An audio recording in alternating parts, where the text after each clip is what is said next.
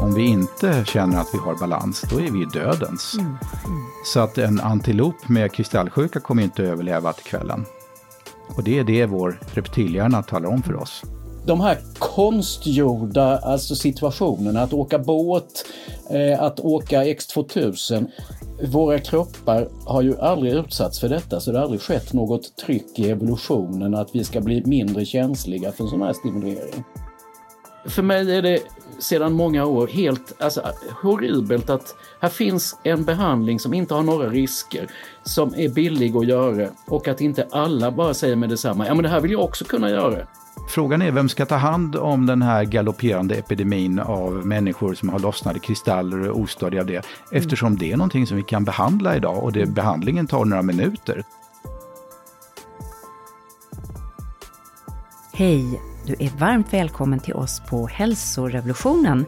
Vi poddar för dig som bryr dig om hälsa och personlig utveckling. Och jag heter Maria Borelius, är vetenskapsjournalist och biolog. Och idag ska vi göra något spännande, dyka ner i kroppens sjätte sinne som kan ställa till nog så mycket problem för oss när det inte riktigt fungerar som det var tänkt. Ja, på senare tid så börjar läkekonsten få upp ögonen allt mer för hur många som drabbas av yrsel och balansproblem. Jag heter Karina Lundstedt och är producent och förläggare. Och det känns ju som att det här ämnet är outforskat och att vi behöver lära oss mer. Och Maria, du har ju haft personer nära dig som har drabbats av detta. Ja, lustigt nog, precis när jag satt och jobbade med det här programmet, vi ska få träffa två otroligt passionerade, engagerade läkare som har skrivit en väldigt fin ny bok som har kommit ut. Så fick min man en yrselattack för första gången i sitt liv. Och det var enormt obehagligt för honom. Ja, Men jag har, jag har, folk i min nära krets eh, som både har drabbats av Menieres sjukdom mm. och kristallsjukan. Mm. Och eh, två ytterst balanserade personer som plötsligt liksom känner att när allting snurrar så blir det som att tillvaron mm. tappar fästet. Och du då? Ja, men jag har haft en yrselattack, eh, eller ett par stycken, i eh, en stressig period i livet. Det måste varit precis när Anders blivit sjuk och det var väldigt maxat på jobbet också. Så då, då, då hade jag... Hur kändes det då? Ja, det var som att hela rummet snurrade. Och jag försökte tänka bort det, jag försökte gå ut och gå. Men det enda som funkade var att bara ligga ner. Mm. Jag hade även sån här som kallas för ögonmigrän. Mm. Som är ju att det börjar liksom flimra. Jag tror att det kan vara en slags yrsel. Och som, jag, ja, hur som helst, det var otäckt. Och när det inte gick över, när det har hållit på i 12 timmar. Då, då ringde jag sjukvårdsupplysningen och tänkte ja, men, jag, men jag kan väl kolla. Ja, och sen plötsligt så står de där med ambulans och tycker jag ska gå in och göra tester. Då blev det lite, då kändes det lite överdrivet. Mm. Ja, så jag fick åka in till akuten och gå liksom på sånt där, på sån här tejpremsa mm. på golvet och se mm. om jag, och det mm. gick ju bra. Mm. Ja, men det, det var ju såklart bra att de kollade en gång mm. för, för mycket. Eh, och jag gissar att det hade med stress att göra. Eh, det var i alla fall ingenting som var medicinskt eh, allvarligt just då. Har det kommit tillbaka sen någon gång? Nej, ja, den här ögonmigränen kommer någon gång per år. Men då hjälper det om jag bara lägger mig ner och blundar, ja. kanske tio minuter. Ja. Men eh, betydligt mer sällan nu faktiskt. Mm. Alltså jag tänker ju då, lilla, hur Alltså det hur fantastiskt är den här funktionen att vi liksom orienterar oss mot gravitationen hela tiden. Mm. Alltså att vi har ett balanssystem som alltid vet vad som är upp och ner. Mm. Och det sitter ju i det här sjätte sinnet, ja. balanssystemet som vi liksom bara tar ja. för givet. Ja. Så det ska bli spännande att eh, borra oss ner ja, i detta lite grann. Verkligen. Och det här är ju ett sånt himla stort problem också mm. med yrsel. Mm. Och lite underbehandlat mm. i vården. Det är mellan 700 000 och en miljon planerade läkarbesök i Sverige varje år som har med yrsel att göra. Oj, det är jättestort. Ja, ja. jättestort. Så vi kallar in, tycker jag, Christian Geisler och Mikael Karlberg. Båda två är läkare och författare till den mycket fina nya boken Det snurrar om yrsel och balanssjukdomar.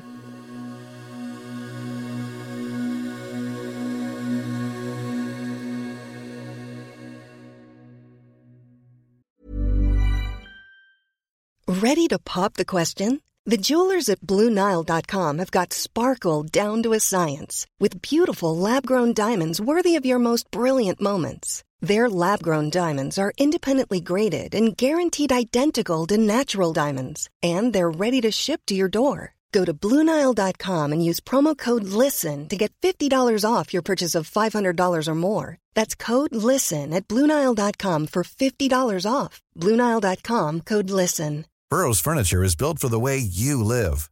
From ensuring easy assembly and disassembly to honoring highly requested new colors for their award winning seating, they always have their customers in mind. Their modular seating is made out of durable materials to last and grow with you. And with Burrow, you always get fast, free shipping. Get up to 60% off during Burrow's Memorial Day sale at burrow.com slash ACAST. That's burrow.com slash ACAST. burrow.com slash ACAST. Hey, I'm Ryan Reynolds. Recently, I asked Mint Mobile's legal team if big wireless companies are allowed to raise prices due to inflation. They said yes. And then when I asked if raising prices technically violates those onerous two-year contracts, they said, what the f*** are you talking about, you insane Hollywood ass?" So to recap, we're cutting the price of Mint Unlimited from $30 a month to just $15 a month. Give it a try at mintmobile.com slash switch. $45 upfront for three months plus taxes and fees. Promo for new customers for limited time. Unlimited more than 40 gigabytes per month. Slows. Full terms at mintmobile.com. Så, då har vi glädjen att ha ett stycke läkare i studion och en läkare på länk från den fina staden Lund. Christian Geisler är läkare, specialist i hörsel och balansrubbningar eh, och verksam vid Yrselcentrum i Stockholm. Välkommen i studion. Ja, tack så mycket. Ja.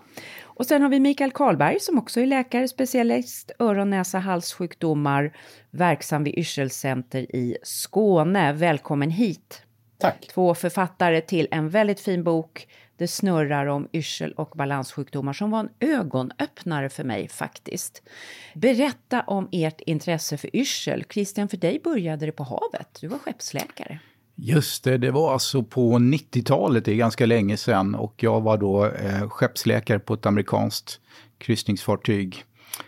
Och eh, den typiska kontakten med en amerikansk gäst ombord var just eh, när vi korsade Golfströmmen utanför Miami. Då började det gunga och då började eh, den här foajén vid sjukhuset där på plan 2 fyllas på med patienter som var lite halvgröna i ansiktet när de kom ner där, men när de sen satte sig ner och såg sin hyttgranne spy i en hink, då eskalerade liksom deras sjösjuka. Och ja, jag lärde mig att hantera det där, men jag fick ändå, det väckte mitt intresse för det här med balanssinnet och ja. kräkningar och eh, balansstörning och eh, just det här subtila illamåendet som är så svårt att förklara ja. om man inte själv har varit där. Liksom. Ja. ja, det är en bra illustration. Och Mikael, du fann som nyexad läkare ut att man egentligen inte visste så mycket om yrsel. Berätta. Ja, jag hade ju jobbat lite grann på öron, näsa, hals där man sysslade lite grann med yrsel. Detta är ju då i mitten på 80-talet så det är nästan 40 år sedan. Och sen tänkte jag, ja men nu när jag ska ut och göra min liksom allmänna praktik eh, bland andra doktorer och andra specialiteter så tänkte jag, då måste jag lära mig lite om vad det finns för yrsel där. Och då insåg jag till min förvåning att så fort det stod yrsel på en journal så var det ingen som ville ta i den. Det sedimenterade mm. alltid ner till den yngste doktorn. Och så insåg jag att ingen var intresserad, ingen kunde någonting. Så tänkte jag sen efter något år att amen, det här satsar jag på. Mm. Och vad tänkte du då? Var, var det en sjukdom som liksom hade låg status? Var det så man såg det? Eller var det bara svårbehandlat? Eller? Alltså det är väl både detta att eh, lite låg status men sen också att ingen visste hur de skulle angripa det. Det var så mm. komplext, man visste inte var ska jag börja. Mm. Jag, jag, tror att vi måste börja där då helt enkelt eh, och fråga eh, Christian, de här yra sjösjuka människorna som var i din foyer där på, på havet. Varför, varför blir man yr? Eh, ja, det ägnar vi ett kapitel åt i boken. Eh, man kan ju kanske sammanfatta det med sensorisk eh, felinformation och kontrollförlust. Det sammanfattar eh, anledningen till att de flesta blir yra. Mm. Och med det kan man då eh, säga att eh, eh de flesta som blir yra blir det på grund av att eh, olika sinnen säger olika saker till deras hjärna. Och det är liksom det fysiska felet som sätter igång känslan av yrsel. Och sen reagerar då människor på den här felsignalen med eh, jättemånga olika symptom Och där spelar det in hur stor kontrollförlusten blir. Mm. För att kunna upprätthålla balansen är då en otroligt viktig egenskap för att överleva. Mm. Kanske inte i vårt samhälle, men våra hjärnor är ju programmerade för att se oss som individer på någon savann, inte mm. alls i ett sånt här högmodernt samhälle, utan mm. alla beslut som reptilhjärnan tar, de är ju liksom flera miljoner år gamla. Mm. Och det är det som gör att man mår dåligt. Man reagerar på den här sensoriska felinformationen och kontrollförlusten och sen eskalerar det här och då blir man som den här amerikanska kryssningspassageraren Bill till slut, att man sitter och spyr i en hink eh, på ett kaskadsätt. Och då, då har man liksom ett typiskt och dramatiskt yrselinsjuknande. Ja, ja. I grunden för, för allt det här står ju det som ni så fint i boken kallar balanssystemet. Eh, Christian, vad är det för något? Ja, balanssystemet består då av två delar. Det ena är då balanssinnet och det är ett informationssystem som talar om hur vi befinner oss i gravitationen och hur vi gör huvudrörelser. Och den andra delen av det här systemet, det är då det upprätthållande muskelsystemet. Det är alltså de här musklerna som gör att vi kan stå och gå på ett roterande jordklot. Mm. Mm. Och då har vi Mikael, vi har eh, en väldigt sofistikerad apparat i innerörat. Va, vad händer där inne? Där finns det någonting som, ska vi säga, naturen under eh, årmiljonerna har utvecklat eh, för att känna av det första var alltså liksom redan små blötdjur som behövde veta vad är upp och vad är ner. Och ja. inte bara när det är på dagen när solen skiner utan även på natten när det är mörkt. Som känner av var finns jag som individ, även ett blötdjur, i, eh, i förhållande till jordens dragningskraft. Vill jag uppåt eller vill jag nedåt? Och sen har det där långsamt utvecklats. Dels från groddjuren som kände av Eh, ett system som kunde känna vibrationer i marken, eh, som man kunde känna när farliga djur närmade sig. Och så successivt så har det blivit mer och mer avancerat. Så nu kan man säga att det är tre stycken rör i innerörat som fungerar som, ska vi ha en teknisk beteckning, gyro. De känner av när man vrider på huvudet. Och sen finns det två stycken öronstensorgan som känner av dels hela tiden var är jordens dragningskraft, men sen känner de också av det som fint kallas för linjär acceleration och deceleration. Det vill säga om man eh, plötsligt börjar röra på sig, sitter i bilen, Teslan eh, känner ut, då reagerar de här och när man bromsar. Så det är förändring av rörelse som de här känner av. Det är inte absolut rörelse. För att om man åker tåg eller flyger så känner man ju inte att man rör på sig. Nej, Då är det synen som talar om att man rör på sig. Så det är därför vi är så känsliga för visuella rörelser i synfältet som gör att väldigt många kan bli oerhört sjuka av det. Det är ju att egentligen om världen rör på sig. Det finns bara ett tillfälle när den gör det och det är när det är jordbävning. I annat fall så är det om omgivningen rör sig så innebär det att jag rör mig och därför blir det konflikt då när man till exempel sitter på stationen och så plötsligt börjar ett tåg på andra perrongen att röra på sig och så plötsligt, va, är det jag som rör mig? Nej, det var det andra tåget. Mm. Mm. Och det är, det en av de där mekanismerna som ligger bakom varför man plötsligt kan bli ur och varför just den moderna världen med Eh, Eh, alla visuella stimuli kan påverka oss så mycket. Och när eh, Christian då pratar om Bill på havet, skillnaden mellan vad synen upplevde, vad kroppen upplevde och blev så illamående. Vad, vad var det de olika sinnesintrycken förmedlade? På vilket sätt blev det olika information till hjärnan i den här gungiga båten som gjorde att han blev så illamående, Christian? Mm. Ehm, ja, alltså man kan säga att när Bill väl kommer ner till plan två i sjukhuset och är eh, ganska illamående, då har ju det föregåtts av att han kanske var fastande när han kom ombord på båten för att han ville spara sig inför galamiddagen. Att han fick en fördrink eh, precis innan han gav sig ut på vågorna med fastande mage att när han blev lite halvt illamående så gick han upp till sin hytt och tittade på tv. Det är ju många amerikaner, de är lite stressade, de vill slappna av i tvn. Och där förstärks ju den här eh, sensoriska konflikten mellan det synen säger, nämligen att här rör sig eh, figurer i den här tv-filmen på ett speciellt sätt. Eh, gentemot det hans balansorgan säger, att här gungar det fruktansvärt upp och ner i olika mm. ledder. Mm. Och det är det som är den sensoriska konflikten som sen gör att han blir mer och mer illamående och eh, får ett eskalerande eh, sjösjukesyndrom. Mm. Mm. Och när man då ser sin hyttgranne spy i en hink, eh, då går man över någon slags tröskel och då är vi återigen eh, tillbaka vid det här begreppet kontrollförlust. Då släpper liksom alla hämningar och då mm. spyr man liksom bara.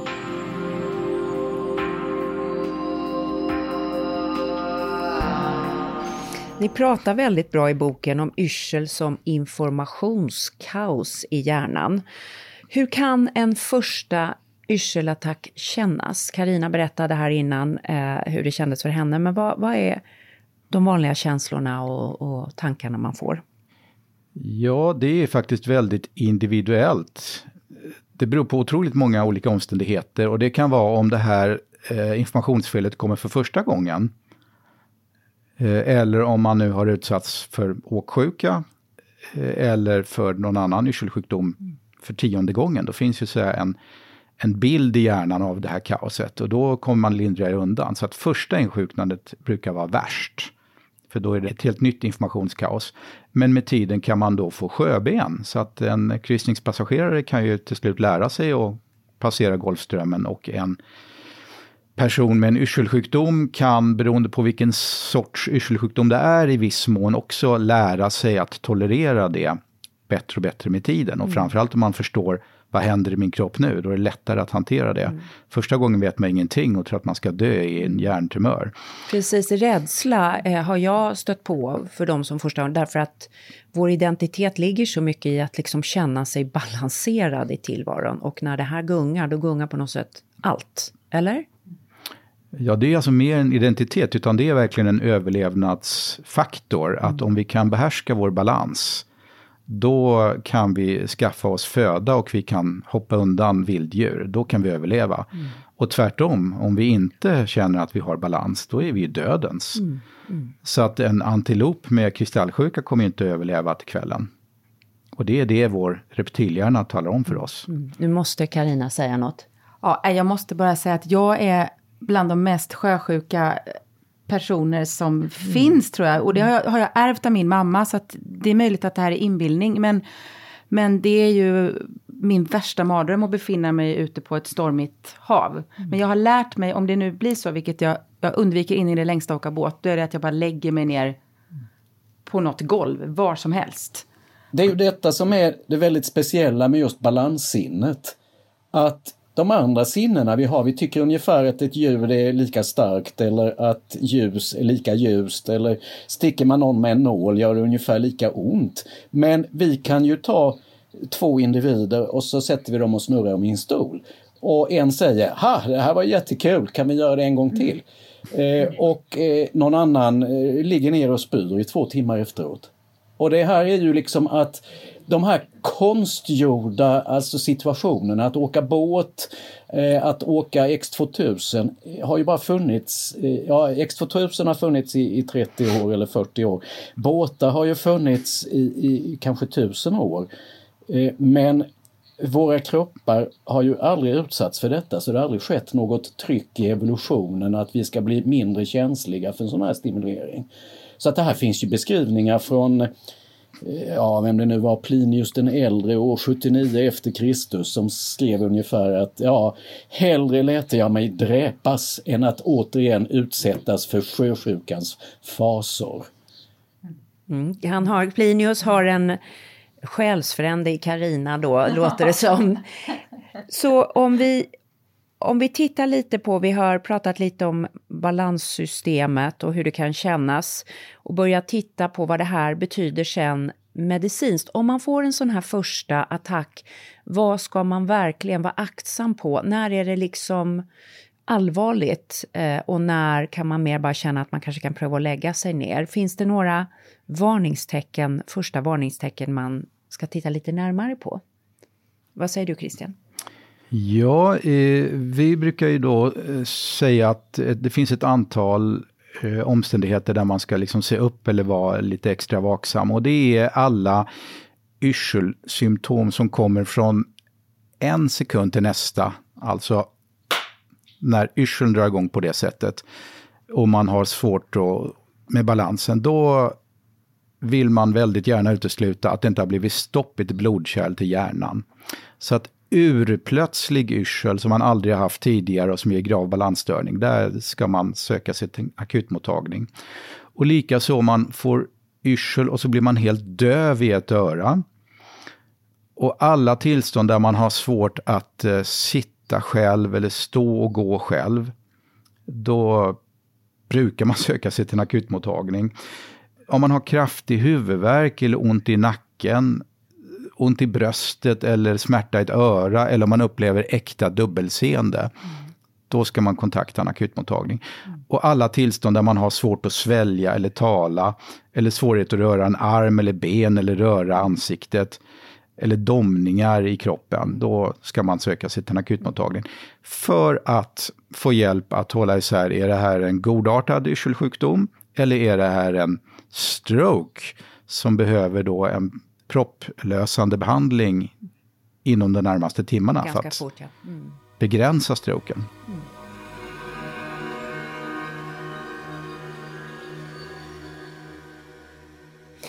Ja, du pratar om när man ska söka akut och 75 eh, 000 människor ungefär söker akutvård varje år för yrsel på våra sjukhus och mellan 700 000 och en miljon planerade läkarbesök. Det här är den tredje vanligaste orsaken att söka hjälp för, fick jag lära mig i er bok och blev väldigt förvånad. Eh, vilken hjälp möter man? Mikael, du berättade att när du började eh, vara verksam som läkare så hamnade de här fallen längst ner och trillade ner till den yngste läkaren. Men vilken hjälp möter man idag? Alltså det har ju faktiskt blivit bättre, det, det måste vi erkänna. Och det intressanta är att de unga läkarna som är under utbildning och nyutbildade, de tycker faktiskt att, att yrsel är ganska spännande, det märker jag eh, tydligt. Medan de äldre, de som så att säga är överordnade och som är deras bakjourer och ska ta dem, de är faktiskt tyvärr är dåligt uppdaterade ofta, vilket innebär att det är fortfarande som så att, att det är inte perfekt handläggning på många ställen. Men vi, vi ser positivt på det, det blir bättre och bättre. Mm. Men vilken hjälp möter man? Vad får man för typ av frågor och hur kan ni hjälpa till med? I första hand handlar det om att ställa en korrekt diagnos. För det finns ju många olika yrselsymptom och yrsel sjukdom, eller sjukdomar som leder till yrsel. Christian, vad, vad, vad, gör du med någon som kommer för yrsel? Vad är det första du gör? Eh, det första jag måste lägga rätt mycket tid på, det är ju att överhuvudtaget fatta vad den här personen menar med yrsel. Och i vissa fall tar det exceptionellt lång tid. För att yrsel är liksom inget definierat begrepp på något sätt. Det är hur stort som helst. Och i vår bok har vi ett patientfall eh, eh, med en man. Han har klassisk kristallsjuka, men han är också försäljningsdirektör i en väldigt manlig bransch. Och för honom är det inte tänkbart att ha symptomet yrsel. Så att han beskriver då sin yrsel på ett annat sätt. Han, har, han säger att han har en tryckkänsla i huvudet. Och det här gör att han då i, i flera år hamnar fel i sjukvården, för att han säger inte yrsel, han säger någonting annat. Och hade han sagt yrsel, då hade han inom loppet av några veckor hamnat hos en sjukgymnast som behandlade hans eh, kristallsjuka. Nu säger inte han yrsel.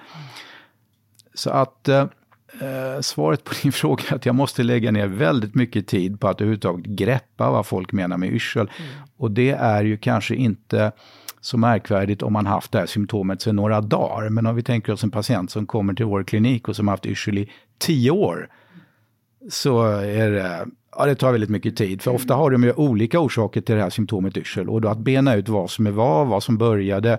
De kanske har tre eller fyra orsaker till yrsel. Det tar jättelång tid. Så att det första är bara att förstå vad sjutton ska jag bidra med här? Vad är det för symptom? Det kan vara jättesvårt. Mm, jag förstår. Man kan säga att eh, diagnostik av yrsel så har vi två fundamentala verktyg. Och det ena är ju då vad patienten berättar, vad de har för symptom. Och det andra är ju då att eh, undersöka balanssinnet eftersom i eh, över 50 procent av alla fall rent vetenskapligt så har man kommit fram till att då är det en sensorisk informations ett sensoriskt informationsfel som har satt igång den här yrseln. Och utan att undersöka balanssinnet så kan man ju aldrig någonsin se det eller komma på det. Och därför är ju undersökning av balanssinnet, det är ju en helt avgörande pusselbit för att kunna nå en diagnos. Mm. Och vad och det, gör ni då? Hur undersöker man ett balanssinne? Ja, och då gör man dels undersökningar som man kan göra det man kallar för bedside, alltså man gör dem utan några stora hjälpmedel och dels eh, behöver man faktiskt ha modern apparatur för att kunna undersöka balanssinnet. Mm. Eftersom balanssinnets olika delar, alla de olika delarna, även de från hjärnan ihopkopplade med ögonrörelser, så är de flesta undersökningar vi gör, det är att titta på videoinspelningar av våra patienters ögonrörelser på stora skärmar. Och sen är det massa olika mjukvaror som då beräknar om de här ögonrörelserna är korrekta eller om de är avvikande på något sätt. Och det är alltså bara så man kan hitta sensorisk felinformation i balanssinnet. Mm. Och balanssinnet är alltså balansorganen och det är de delarna av hjärnan som hanterar balansinformation och det är lillhjärna och hjärnstam. Mm. Så där kan man tänka sig att med tanke på den här typen av diagnostik att ny teknik, eh, digitalisering och så har gjort AI, har gjort det lättare och för er att kunna till exempel tolka de här ögonrörelserna? Ja, Mikael och jag har ju tillgång till alla moderna tekniker så att menar, vi kan ju i regel diagnostisera yrsel med de här två parametrarna. Mm. En bra sjukhistoria och de här olika undersökningarna. Mm. Det som inte funkar för de flesta patienter idag är att de, eller de som frågar ut, de vet inte hur de ska ställa frågorna för att de har inte den här kunskapen om yrselsjukdomar och då fallerar det. Eller så har man överhuvudtaget inte tillgång till de här moderna undersökningsmetoderna och att titta på ögonrörelser. Mm. Och det är därför väldigt mycket yrseldiagnostik då i allmän sjukvård fallerar och det har då också gett upphov till många olika lokala eh, traditioner hur man hanterar patienter. Eh, alla vårdgivare vill ju hjälpa människor med yrsel, men om man då varken har kunskap om de vanliga yrselsjukdomarna och man har heller inga tekniska hjälpmedel för att titta på ögonrörelser, ja men då är man ganska utsatt till att kanske kontrollera blodtrycket eller undersöka nacken. Och, ja, det blir olika behandlingstraditioner på olika ställen beroende på vilka kunskaper man har om yrsel och mm. vilken undersökningsapparatur det finns. Och eh, den här eh, sjukdomshistorien och eh, diagnostiken gör att ni förhoppningsvis som läkare kan ställa en diagnos som är korrekt för att börja behandla. Och vad är det då för yrselproblematik vi talar om? För det är, det är lite olika saker och som man måste behandla på olika sätt. Alltså jag brukar ju, jag har ju ganska mycket utbildning av yngre läkare så jag brukar säga att medicin är som fågelskådning. Du måste känna till vilka fåglar som finns just här och vilka fåglar som är viktiga för dig. Och då inser man ganska snabbt eh, efter några dagars fågelskådande att ja, men jag känner ju igen de flesta fåglarna ganska snabbt. Och sen gäller det då snabbt att lära sig, ja men den där, vad är det där för konstigt, det har jag aldrig sett förut. Mm. Och det fantastiska nu för tiden är ju att alla människor har Dr Google. Så att när man även som doktor hittar något som man aldrig har sett förr så kan man leta och så hittar man det. Så att eh, man måste först lära sig de vanliga fåglarna och känna igen dem. Och de vanliga fåglarna inom eh, Christians och mitt jobb kan vi nog säga att slår vi ihop tre olika diagnoser nämligen kristallsjukan, migränrelaterad yrsel och någonting som vi har kallat, kommit att kalla nu för ett väldigt komplext ord, persisterande postural perceptuell yrsel, 3PY. De tre tillsammans svarar för minst hälften av patienterna. Oavsett egentligen om vi är på en yrselmottagning eller på en allmänläkarmottagning. Eh, sen finns det tusentals olika mer eller mindre sällsynta sjukdomar.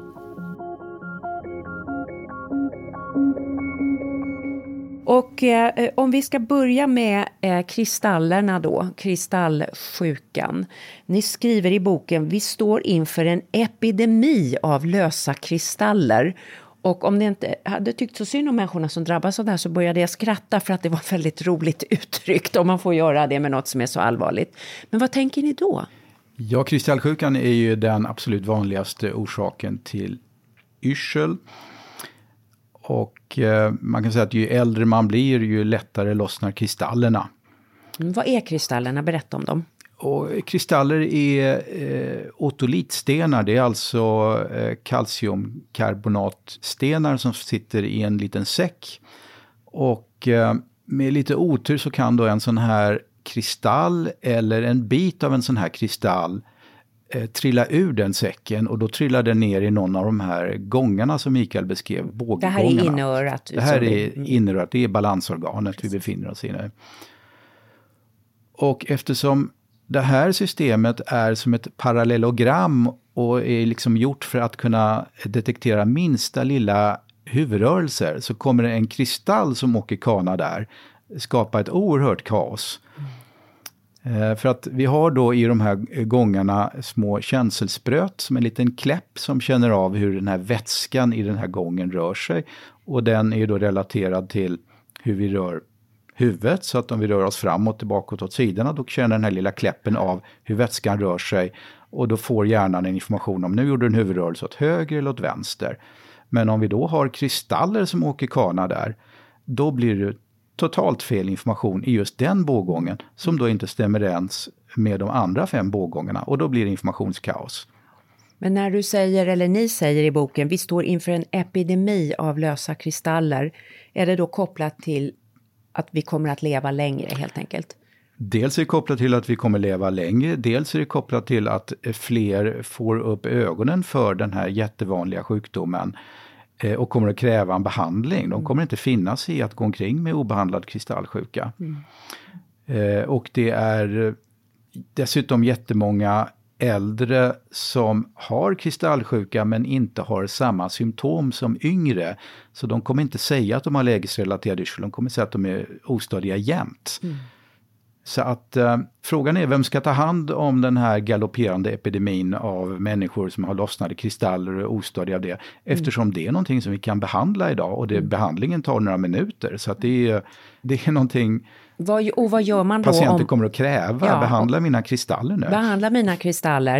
Det är ett väldigt vackert namn tycker jag på en sjukdom, kristallsjukan. Men hur behandlar man? För det är ju en väldigt otäck upplevelse, kristallsjuka, men hur behandlar man det? Eh, man behandlar genom att ta reda på var är de lösa kristallerna i det här bågångssystemet. Det finns ju totalt sex bågångar att välja på. Och när man har bestämt sig för att i den här bågången är det lösa kristaller eller i de här bågångarna är det kristaller. Då gör man ett, eh, en behandling som kan li, likna sån här bri och kulspelsbehandling när man ska rulla ut kulor. Och så rullar man ut då kristallerna ut ur bågången och tillbaks till den här säcken. Och då försvinner ju den sensoriska felinformationen från den bågången och då har man botat patienten. Och hur gör man det? Och det gör man med olika mekaniska manövrar. Mm. Så att man vrider bågången på ett sådant sätt att man rullar ut kulorna. Och hade nu eh, vår kropp varit som en bil, då hade man bara skruvat av bilen och tagit den lite bakom disken och så hade man vridit rätt det där. Men nu får man ju vrida liksom hela kroppen och huvudet på patienterna. Mm.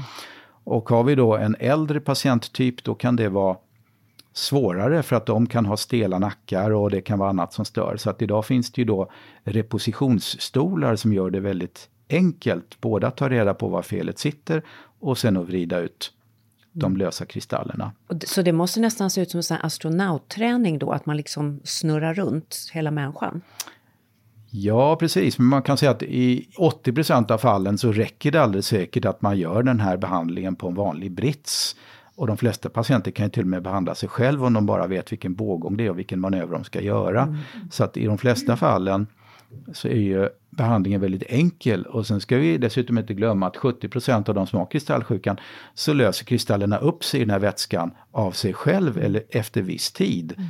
Men det kan ju vara flera veckor som man går omkring med de där symptomen. Så att kan man komma till någon vårdgivare som rullar ut de där, det är ju det, den rimligaste snabba behandlingen. Och det är en sjukgymnast man får remiss till, eller vad är det vanliga? Ja, nu är vi tillbaka till den här politiska diskussionen igen. Vem ska göra jobbet liksom? Och eh, om man ska vara helt säker på vad kristallerna är, då måste man ha apparatur som kan läsa av ögonrörelser. Det har vissa sjukgymnaster och de kan jag verkligen rekommendera att gå till. Men om man har en sjukgymnast som bara gör det här på, så att säga, på känn för att patienten skriker till i ett visst läge, då kan det absolut funka, men det är ingen garanti att det ska funka, för att de har inte rätt teknisk apparatur. Mm. Som som varande lundensare så är jag tvungen att tyvärr erkänna att eh, den här kristallsjukan, den hittade man första gången i Uppsala. Och det var faktiskt Ja, redan är 1921. Sen tog det ungefär 70 år innan man lärde sig eh, hur man skulle behandla. Så när jag började som läkare här på öron, näsa och hals så sa vi, ah, men det här är kristallsjuka och det vet vi inte vad det är och det går över av sig självt. Och sen lärde vi oss att man kunde då få patienten själv hemma att slänga sig fram och tillbaka i sängen för på så sätt snabba på det hela. Och sen eh, runt 1990 så dök det plötsligt upp rapporter om att ja, men här finns det något, någon specialbehandling. Och jag kommer fortfarande ihåg första patienten jag behandlade sommaren 1993 när jag stod med en, en artikel i tidningen eh, och, och till, läste den samtidigt som jag vred patientens huvud och tänkte det här kan väl aldrig funka. Eh, Men sen kom han tillbaks efter en vecka och var frisk och då eh, insåg jag att hmm, här är någonting vi måste studera närmare. Mm. Då blir det ju eh, märkligt att tänka sig att eh, om det här är så pass, ska vi säga, lätt att göra eller, eller smidigt, eh, att, att den här kunskapen inte har spridit sig jämnt över hela landet känns lätt märkligt. Jag måste säga där återigen att hade det här varit en medicin som hade haft den här effekten så hade det spenderats oerhörda mängder pengar på reklam för detta och varenda doktor hade känt till det hela. Men nu är detta inte en medicin utan det är någonting du gör. Och för mig är det sedan många år helt alltså, horribelt att här finns en behandling som inte har några risker, som är billig att göra och att inte alla bara säger med detsamma, ja men det här vill jag också kunna göra.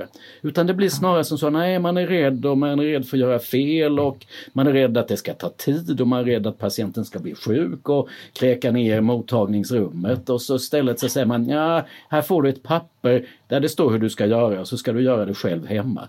Och om man då tycker yrsel är det värsta som finns, inte fanken kommer man att göra det. Av alla vårdgivare så är sjukgymnasten de som, som faktiskt törs utföra behandlingen. Mm. Medan många andra vårdgivare gör som Mikael säger, men här har du ett papper från någon sajt. Gå hem och försök göra det här själv. Mm. För det låter som du har kristallsjuka, men jag har inga instrument för att kunna ta reda på var den är. Så att prova det här själv liksom. Det är en väldigt vanlig mm. hantering idag. Mm. Sjukgymnaster är ofta fantastiska. Det är lite frontlinjen när det gäller vissa saker. De tar i patienterna på väldigt konkret sätt. Men de saknar då tyvärr den här undersökningsmetodiken ja, det, det, ofta. Det, och det är det som är deras handikapp ja, här. Ja. Visst säger man fysioterapeuter nu, bara så att vi inte har någon sjukgymnast eller fys- Visst säger man fysioterapeuter? Idag. Absolut, Min- fysioterapeut, det finns inga Ja. sjukgymnaster längre. Och så vill jag bara avsluta det här ämnet och säga att dessutom är då eh, kristallsjukan dels totalt överdiagnostiserad för eh, många som har obehag vid huvudrörelser får omedelbart höra att de har kristallsjuka. Och samtidigt är det då underdiagnostiserat eftersom man har inte tekniken för att titta på ögonrörelser så att vissa varianter av kristallsjuka de upptäcks överhuvudtaget aldrig. Så att det är en enorm spännvidd här eh, i, i, i människor som har obehag vid, vid huvudrörelser. Och en del av dem har definitivt sjukdomen migrän som identiska symptom som kristallsjuka. Men har man då inte kunskap och kan sortera det där, då blir det ju jättesvårt att göra rätt manöver och rätt behandling. Mm, Jag tänkte vi skulle gå in på det.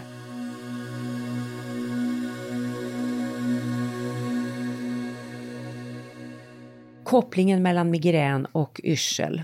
Var, var, var ligger den någonstans? Ja, som Mikael beskrev då så är migrän en av de tre absolut vanligaste yrselorsakerna. Men det är också den minst diagnostiserade yrselsjukdomen, definitivt i svensk sjukvård. Och det beror ju på att man inte har kunskap om den här sjukdomen, som är så oerhört vanlig. Och man har inga eh, undersökningsmetoder för att på något sätt kunna hitta den. Mm. Så att människor som har migränrelaterad yrsel, de blir ofta missförstådda, får fel diagnos eller ingen diagnos. Och eh, det ger då i sin tur att deras känsla av kontrollförlust ökar och så får de dessutom då den här funktionella yrseln och då är vi tillbaks till de här yrselsjukdomarna som alla har med varandra att göra. Den ena yrselsjukdomen ger den andra yrselsjukdomen och förväxlas med den tredje.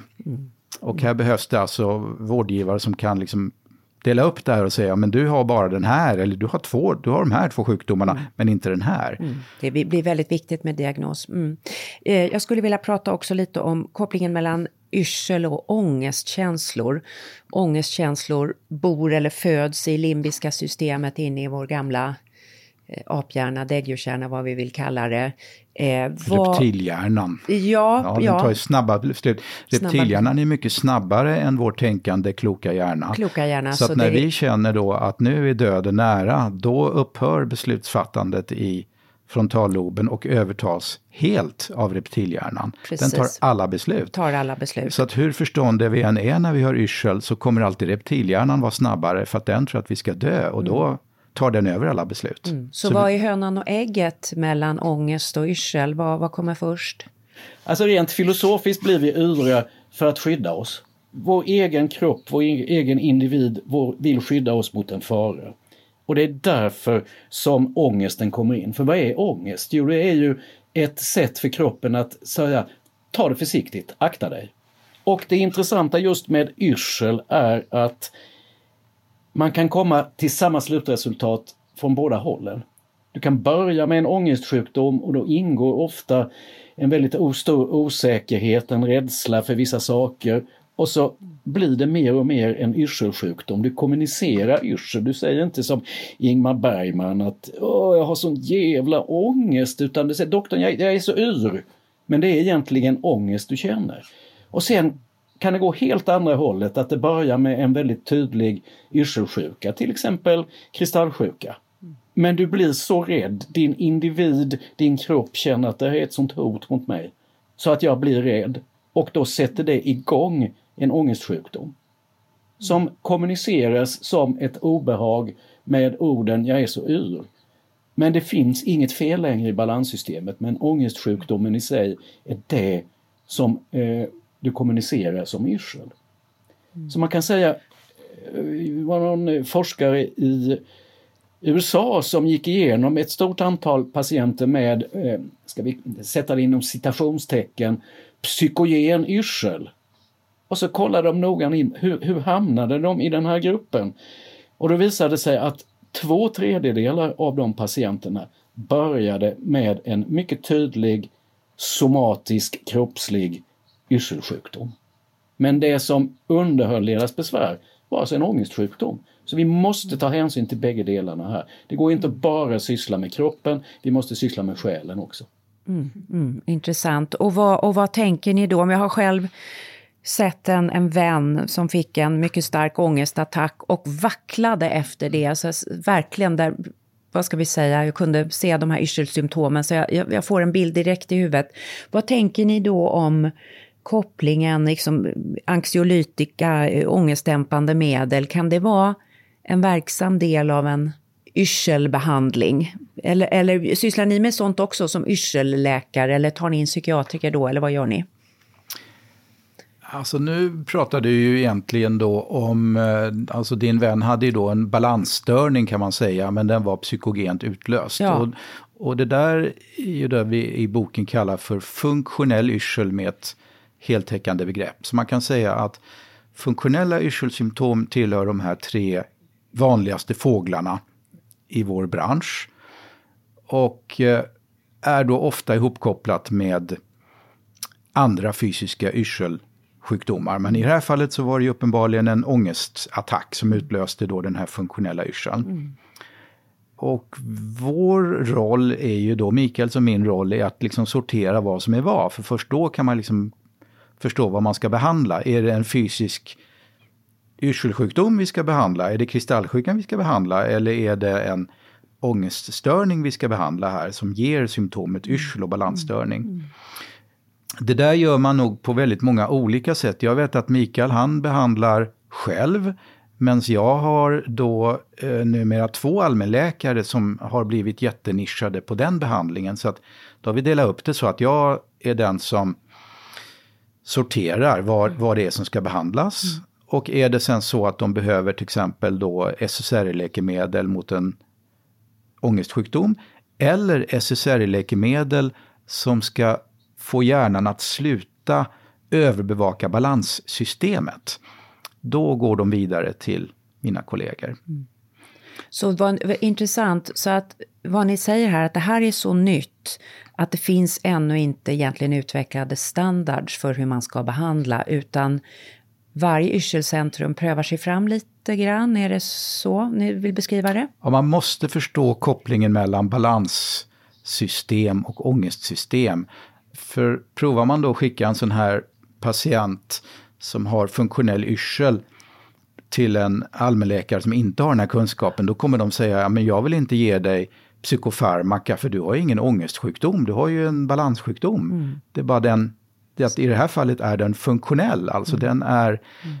det är inte ångest utan det är mer ett programfel. Mm. Så vi får hålla isär balansstörningar på grund av funktionell mm. störning, balansstörning på grund av en ångeststörning och balansstörningar på grund av en fysisk störning. Mm. Och det där är det som Mikael och jag, vad, vad... vi måste sortera det först ja, och sen förstår. kan vi föreslå en behandling. Och det är ofta det som inte funkar i sjukvården utan man man skickas man, runt. Och man ska, skickas runt och ingen ja, vet vad man ska behandla. Ingen egentligen. vet vad man ska behandla. Och jag tror att vi alla känner människor som har drabbats av olika typer av yrselsymptom och som skickas runt och det tar väldigt lång tid och det är väldigt långa väntetider därför att det är så många som har problem. Då blir det ett högt söktryck. Var ligger nu systemfelet i vården som gör att det här blir så underbehandlat, att vi inte har spridd kunskap om det här i landet. Eh, vi har skickat massor med mejl till varandra innan den här inspelningen och ni har mycket inspel i den frågan. Eh, Christian, vad tänker du? Ja, vi har ju i vår bok ett helt kapitel då som, som har nördat igenom eh, 13 orsaker till att vi inte tycker att yrselsjukvården fungerar. Så det är massa olika saker som skulle behöva rättas till. Men man kan säga att en eh, organisatorisk anledning till att det fungerar dåligt, det är att sjukvården är så uppdelad i olika specialiteter. Och de här patienterna har vi ju redan nu förstått, de har ju inte bara ett symptom, de har tio olika symptom. Mm. Och det politiska systemet styr de här olika specialisterna till att ofta vara ganska organspecifika. Så kommer man då till en öronläkare, ja men då är han väldigt intresserad av kristallsjuka, för det känner han till. Men om patienten då har en lägesrelaterad yrsel på grund av en migrän, då kommer han att säga, men det här är, det är inte kristallsjuka, så här, nu får du gå tillbaka till husläkaren. Mm. Och kommer man till neurolog så säger de, ja, här är någon slags yrsel, men Neurologerna har ju ingen apparatur för att undersöka ögonrörelser utan de kanske undersöker nacken och säger att ja, du var jäkligt stel i nacken. Vet du vad, jag skickar dig vidare till vår sjukgymnast för att det är något med din nacke som inte är normalt. Och kommer du till en hjärtläkare så kommer de säga, men nu har jag undersökt ditt hjärta här och där finns inga fel. Så att nu tillbaks till husläkaren. Så att systemet är upplagt för att människor med de här komplexa symptomen som våra patienter har och ofta mer än en eller två olika yrselorsaker, de skickas runt mellan olika specialister och alla specialister säger, nej men du tillhör inte vår avdelning, i alla fall inte just nu. Du kanske gjorde det för en månad sedan, för då hade du kristallsjuka, men idag är det ingen kristallsjuka. Så att våra patienter skickas runt som i en tombola och gör ofta massvis med onödiga undersökningar och får inte den hjälp de ska ha. Mm. Nu får du säga något Mikael. Det här tombola, det låter som det sista man behöver när man har yrselproblem. Ja. Det, det, är nog tyvärr inte, eller tyvärr, det, det, är som så att det här är ett problem jorden runt. Eh, för säg, säg 20 år sedan så var faktiskt Sverige ganska välkända för att vi hade välfungerande yrselsjukvård, eller vi kunde mer än vad de kunde i Norge och Danmark. Så att jag vet att det fanns, eh, det blev nästan uppror och på första sidan av Världens Gang i Norge så var det en eh, norsk eh, överläkare inom någon specialitet som klagade på den usla, den usla sjukvården i Norge för han hade då eh, eh varit yr i flera år och ingen kunde hjälpa honom. Så hade han åkt till Stockholm och träffat en doktor som snabbt eh, vred kristallerna på plats. Eh, och sen blev det plötsligt då eh, eh ett, ett intresse både i Danmark och i Norge för det här med yrsel. Och man började utbilda sig. Och nu eh, måste jag faktiskt säga att 20 år senare så är Norge och Danmark faktiskt minst lika bra, om inte bättre, på detta än vad Sverige är. det kan bero på eh, att de har en annan eh, sjukvårdsorganisation som är byggd på småkliniker, alltså att varje allmänläkare både i Norge och i Danmark är så att säga sin egen med ett ansvar för ett litet antal, 1500 patienter ungefär. Och även att eh, öron-, näs och halsläkare också är små privatkliniker och att de på något sätt får ersättning för detta. Det är en möjlig, möjlig förklaring till det hela. Sverige har ju alltid haft ett lite annorlunda när eh, provinsialläkarna försvann så skapade man allmänläkarsystemet med distriktsläkare så byggde man eh, en massa småsjukhus överallt. Som jag har en känsla av att eh, det verkar inte fungera längre av någon anledning.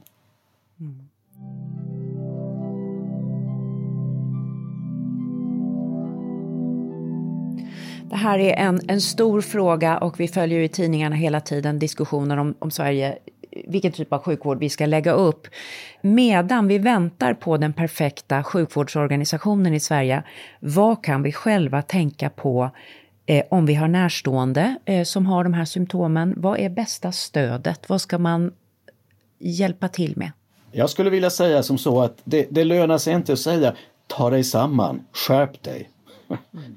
För det här är så grundläggande eh, försvarsmekanismer i kroppen så det går inte att skärpa sig. Det är som med allt här i, i världen att om man står på sig och är ihärdig så får man ofta som man vill. Och det är, det är tyvärr som så inom eh, allting men även sjukvården att är du en besvärlig patient så får du alltid som du vill. Mm. Så att, man, så att det som, gäller som att släpp inte taget. Eh, prata, återkom, ligg på. Eh, och mm. ja, det, det är tyvärr så. Det viktiga också som man kan säga är ju att yrsel som symptom är ju egentligen oftast väldigt godartat. Det är sällan som det är tecken på något som är livsfarligt. Men det är så jädrans otäckt att drabbas av det. Så att man blir handikappad för den skull. Och jag vågar mm. säga, hade hade det här handlat om smärta, akut smärta, så hade ingen accepterat alltså de här väntetiderna och att åka runt på det här sättet i en sjukvårdskarusell. Mm. Nej, vi kan jämföra det här symptomet med bröstsmärta till exempel. Alltså om man då ser eh, hur patienter med yrsel hanteras i svensk sjukvård så är ju då variationerna de är enorma och bygger väldigt mycket på lokal sjukvård och lokala föreställningar. Och det hade ju aldrig någonsin accepterats för symptomet bröstsmärta. Mm. Men yrsel, det är ingen som vet vad det är, ingen som förstår vad patienten säger, det går inte att undersöka på något adekvat sätt. Och därför har man på något sätt, eh, på många håll i svensk sjukvård i alla fall, en väldigt uppgiven inställning till att nu kommer en patient med yrsel. Mm. Suck! Och de här patienterna som egentligen kräver då särskilt mycket undersökning av balanssinnet, mm. de är dessutom Svarte Petter-patienter, alltså de medför en sämre ekonomisk ersättning. Och I vår bok tog vi upp eh, vi öronläkare. Om vi skulle ta emot och bara peta bort vaxproppar så skulle vi tjäna betydligt, få en betydligt mycket större ersättning av att peta bort tre vaxproppar än att ta emot en enda patient med yrsel. Så det här är Svarte Petter-patienter. Mm. Mm. Och, men ni har ju då nu med er nya bok bestämt er för att göra något åt det här. Christian, du berättade innan du kom in här i rummet att ni är revolutionärer inom det här området. Och vad är revolutionens mål? Ja, revolutionens mål är nog att eh, sprida kunskapen och det kommer ju vår bok göra. Men också att sprida då undersökningsutrustning för att titta på ögonrörelser eftersom det är det enda sättet att diagnostisera störningar i balanssinnet. Mm. Eh, och där kan vi återigen jämföra med Danmark och Norge. De har alltså en, en arsenal av utrustningsutrustning som är betydligt mycket större och mycket mer spridd där än den är i Sverige. Mm. Så att i Sverige ser man då de här balansundersökningarna på enstaka stora öronkliniker och eh, på universitetssjukhus. Och det betyder att det är ganska många steg och många remisssteg för att mm. få ta del av en sån undersökning. Men i Norge till exempel så, så har man eh, dubbelt så många sådana här repositionsstolar och i Danmark har man Det är nästan fyra gånger mer, ja det är fyra gånger mer repositionsstolar än man har i Sverige för kristallsjuka. Så det är ett helt annat tänk. Det finns ersättningar i sjukvårdssystemet i Norge och Danmark som gör att man har kommit om Sverige och det finns tillgång till de här eh, undersökningsmetoderna. Och i andra länder i EU och eh, Nordamerika, eh, där är det audionomer som gör alla de här undersökningarna. Så att en allmänläkare med en patient som yrsel, han skickar då till sin patient till ett ställe och då gör de tre, fyra, fem undersökningar av balanssinnet och sen får han ett svar tillbaks. Vi har hittat kristaller där, eller höger balansorgan är kvaddat, eller här mm. finns det tecken som talar för att det är fel i hjärnan. Mm. Men man får någon slags feedback och undersöker balanssinnet. Det gör man inte i Sverige idag på många ställen. Man röntgar hjärnan, där hittar man sällan någonting. Man tar ett EKG och man mäter blodtrycket och tar två A4-sidor med blodprover. Det säger ingenting om eh, de här eh, stora yrselsjukdomarna. Mm. Så mer kunskap och lära av länder som är bättre än oss och mer diagnostikverktyg ut i vården. Två eh, yrselrevolutionärer, läkarna Christian Geisler och Mikael Karlberg, en i studion och en eh, på länk från Lund. Tack för att ni ville vara med. Tack och toppen.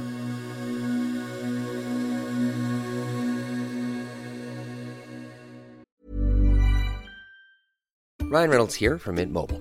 With the price of just about everything going up during inflation, we thought we'd bring our prices down. So to help us, we brought in a reverse auctioneer, which is apparently a thing. Mint Mobile unlimited premium wireless. Ready to get 30, 30, bit to get 30, bit to get 20, 20, 20, bit to get 20, 20, bit to get 15, 15, 15, 15 just 15 bucks a month. So, Give it a try at mintmobile.com/switch. slash $45 up front for 3 months plus taxes and fees. Promo for new customers for limited time. Unlimited more than 40 gigabytes per month slows. Full terms at mintmobile.com. Millions of people have lost weight with personalized plans from Noom, like Evan, who can't stand salads and still lost 50 pounds. salads generally for most people are the easy button, right? For me, that wasn't an option. I never really was a salad guy. That's just not who I am. But Noom worked for me. Get your personalized plan today at Noom.com. Real Noom user compensated to provide their story. In four weeks, the typical Noom user can expect to lose one to two pounds per week. Individual results may vary. Everyone knows therapy is great for solving problems, but getting therapy has its own problems too, like finding the right therapist, fitting into their schedule, and of course, the cost. Well, BetterHelp can solve those problems. It's totally online and built around your schedule. It's surprisingly affordable too. Connect with a credentialed therapist by phone, video, or online chat, all from the comfort of your home. Visit betterhelp.com to learn more and save 10% on your first month. That's BetterHelp H E L P. Karina, vilka stjärnor! Alltså, jag är så inspirerad och, och alldeles eh, uppfylld av den insikt vi har fått ta del av på ett så begripligt mm. och, och, och, initierat sätt på, ja. på samma gång. Ja. Och det här berör ju så många. Jag menar, går jag bara till mig själv så har jag ju då varit lite yrselpatient ja. ett par gånger i livet och, och fått hjälp för det mesta, men någon gång mötts med liksom, jag har hört också från vänner, väninnor som där man då har själv tänkt att det kanske är kristallsjukan men inte får liksom ett gehör. Mm. Så att jag tror ju att det, ja, det vi har fått ta del av idag kommer vara jag hoppas att det kommer vara till stor nytta. För de sa ju att de är revolutionärer. Ja, det är de ju. Jag de älskar det. det. Älskar ja. det. Smarta, varma ja. revolutionärer. Ja. Och jag tycker ju, men vi har ju pratat om det ofta här i podden, som de båda talade om, att vi kan liksom inte, vi måste sluta separera. Ja. Och det är därför folk valsar runt i vården. Nej, ja. det är inte nacken, nej, mm. det är mm. inte örat, nej, det är inte hjärtat, nej, det är inte psyket. Mm. Och, och, till och med att vi skiljer på psyket och huvudet. Mm. Liksom som det är olika, alltså, så alla det här att vi med västerländska medicinens alla enorma välsignelser, för det är mm. den som gör att vi har mm. de här mm. fantastiska apparaterna också, där vi kan med ny mjukvara mäta ögonrörelser som gör att vi får rätt diagnos. Men det bygger också liksom på att vi har delat upp och lagt alla organen som i stuprör. Mm. Och till slut ligger människan där, där ligger ögat och där ligger foten. Ja, det, och, det, och det kan bli väldigt snurrigt. Det blir väldigt snurrigt och de som minst behöver få snurra runt i det här som mm. de kallade tombolat, mm. får snurra mest. Mm.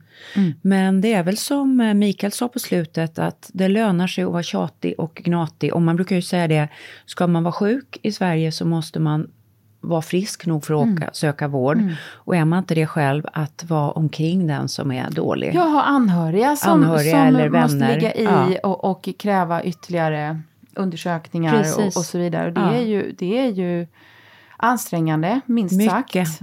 Mycket. Och det är orättvist liksom att de som har det tuffast ska behöva vara orka mest. Mm. Men, men det är liksom så systemet är upplagt. Så vi mm. är så tacksamma och får önska de två snurrdoktorerna ja. ja eh, verkligen lycka till med sin revolution. Men jag tror de kommer ja. göra det. Ja, verkligen. Ja. Och tack för att du ville lyssna idag och hoppas det här har gett dig något. Vi är så tacksamma för alla som vill spendera mm. tid med oss, mm. eller hur Karina? Sprid gärna det här avsnittet till alla som du tror kan ha nytta av det. Man kan ju trycka, där du lyssnar kan du trycka på en liten pil och sen dela eh, avsnittet, den länken till avsnittet i ett sms eller i ett mail. Eh, det brukar jag göra, jag brukar skicka till min mamma ibland. Eh, mamma lyssnar en, ändå, men när hon får det där smset så kan hon skicka vidare till alla sina väninnor. Mm, det så, så. Det, så kan man göra. Bra idé. Mm. Var rädd om dig, hej då! Hej då!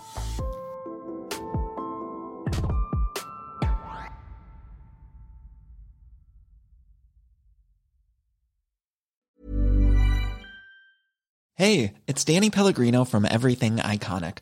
Ready to upgrade your style game without blowing your budget? Check out Quince. They've got all the good stuff shirts and polos, activewear, and fine leather goods, all at 50 to 80% less than other high end brands.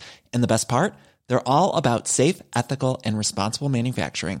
Get that luxury vibe without the luxury price tag. Hit up quince.com slash upgrade for free shipping and 365 day returns on your next order. That's quince.com slash upgrade. Imagine the softest sheets you've ever felt. Now imagine them getting even softer over time. That's what you'll feel with Bowl and Branch's organic cotton sheets. In a recent customer survey, 96% replied that Bowl and Branch sheets get softer with every wash. Start getting your best night's sleep in these sheets that get softer and softer for years to come. Try their sheets with a 30-night guarantee. Plus, get 15% off your first order at bowlandbranch.com. Code BUTTERY. Exclusions apply. See site for details. Planning for your next trip? Elevate your travel style with Quince. Quince has all the jet-setting essentials you'll want for your next getaway, like European linen, premium luggage options, buttery soft Italian leather bags, and so much more. And is all priced at 50 to 80% less than similar brands. Plus, Quince only works with factories that use safe and ethical manufacturing practices. Pack your bags with high-quality essentials you'll be wearing for vacations to come with Quince. Go to quince.com/pack for free shipping and 365-day returns.